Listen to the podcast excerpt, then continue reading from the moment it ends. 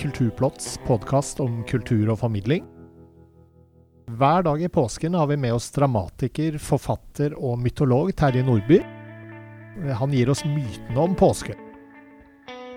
Ledende domkirkeprest i Oslo domkirke og forfatter Elisabeth Thorsen leser utvalgte bibeltekster om påsken.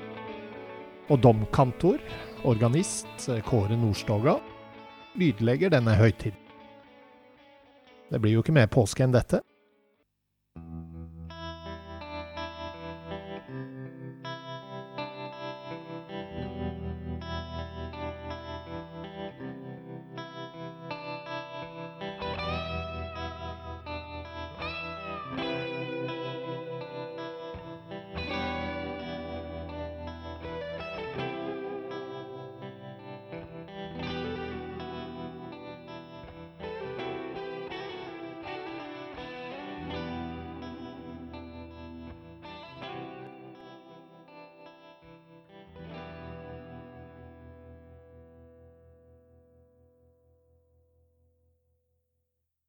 I dag er det langfredag, og eh, dagens tekst, eh, Terje, handler om eh, lidelsens vei. Ja, det gjør den. Og dette er jo først og fremst Jesus Kristus sin lidelse fra dødsdommen og på vei til, til korset, hvor han, blir, hvor han blir henrettet. Og det, det, er en, det, er en, grusom historie som har gått gjennom vår kultur som, som en kan du si, blodig strøm. Eh, det er en trist dag.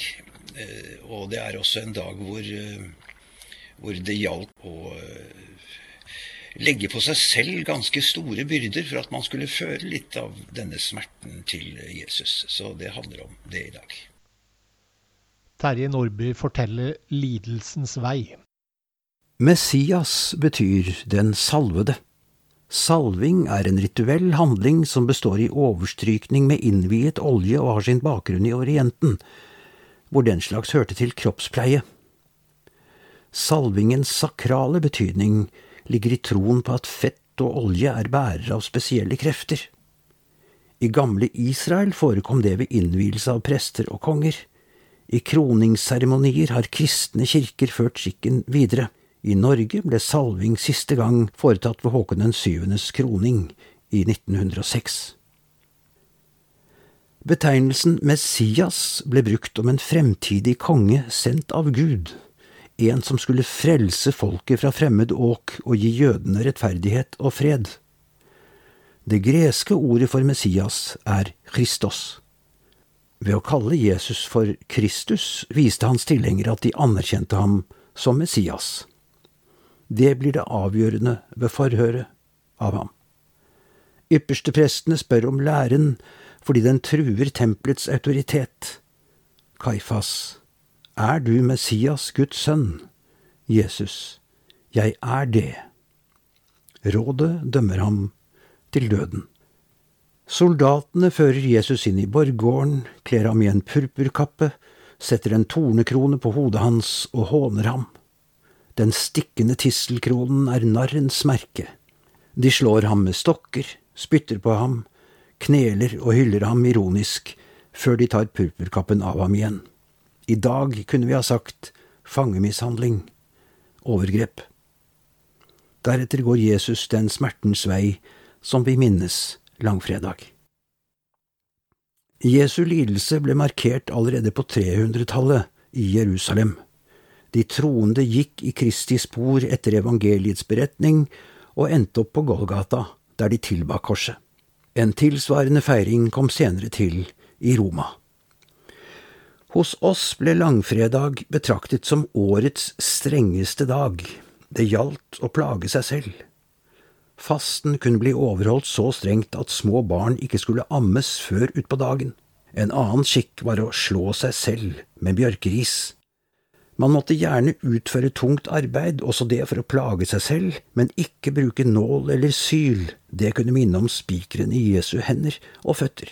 Stillhet, andakt og faste skulle bidra til at dagen faktisk ble oppfattet som lang.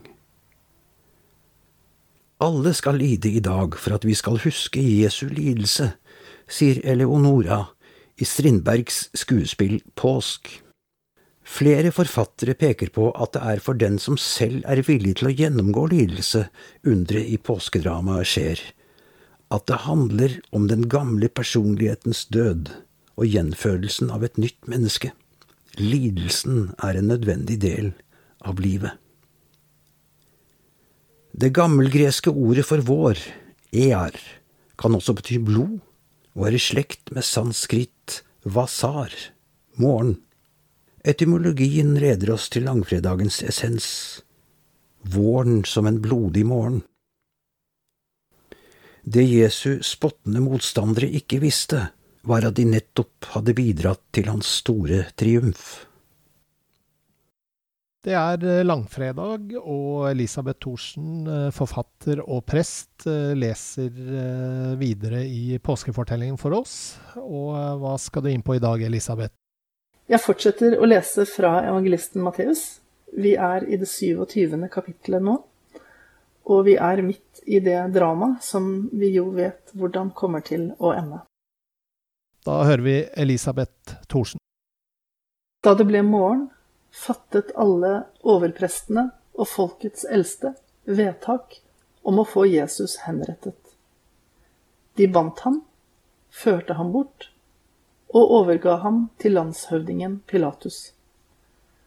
Men da Judas, han som hadde forrådt ham, så at Jesus var blitt dømt, angret han og gikk med de 30 sølvpengene tilbake til overprestene og de eldste og sa, Jeg syndet da jeg forrådte en uskyldig og sendte ham i døden.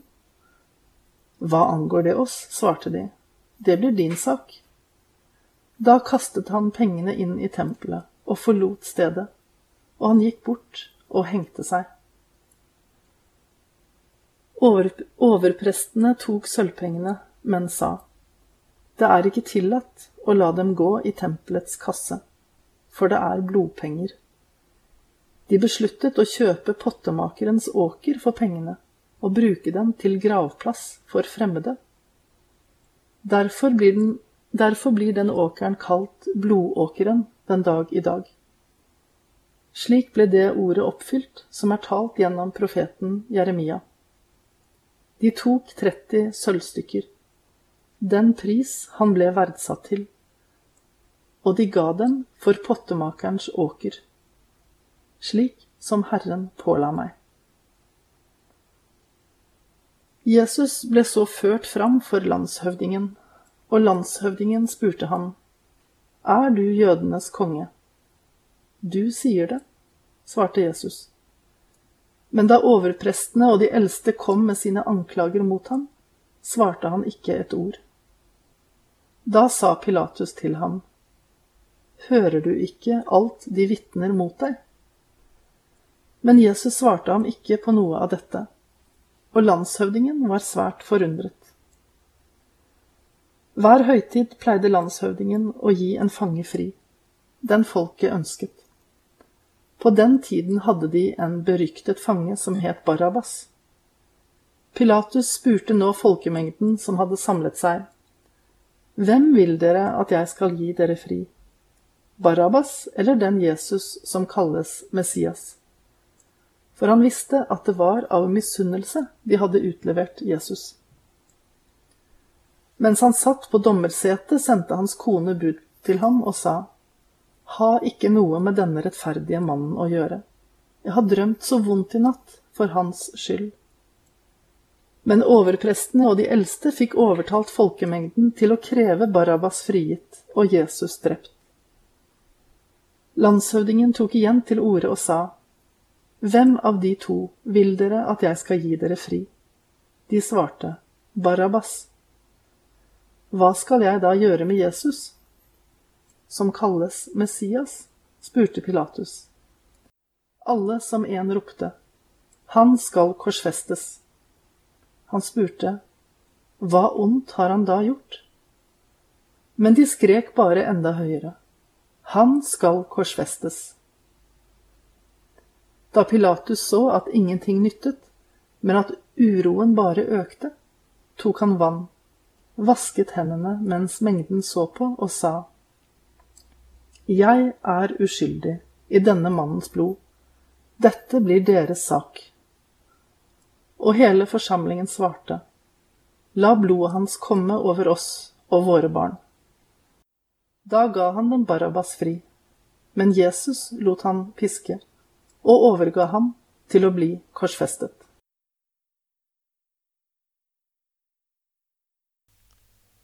Vi har med oss Kåre Nordstoga denne påsken. Han er ledende kantor i eh, Oslo domkirke. Hvilket stykke er det du har valgt i dag, eh, Kåre? Ja, musikk til tekster trenger ikke alltid være meditativt. Eh, I dag skal, har jeg tenkt å spille det store e-moll-preludiet til Johan Sebastian Bach. Sånn populært kalt store e-moll i, i fagkretser. Det har jo en enorm kraft i seg, men som ofte hos Bach ikke bare kraft, men også mye poesi og mye komplekst innhold. Eh, det tar oss med rundt i toneartene, begynner og slutter i e-moll, men mange stasjoner på veien hvor, hvor det, det, rike temamaterialet endres. Og det er, det er en litt mer kraftfull versjon av domkirkeorgelet vi får høre i dag. Og det har også god sammenheng med, med tekstenes og deres enorme dybde og innhold.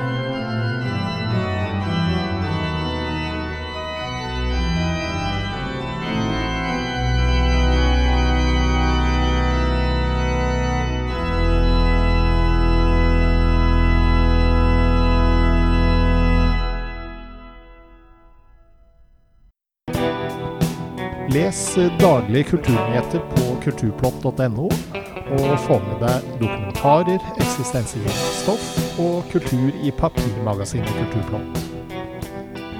Plottet var ved programleder og teknisk ansvarlig Bård Andersson.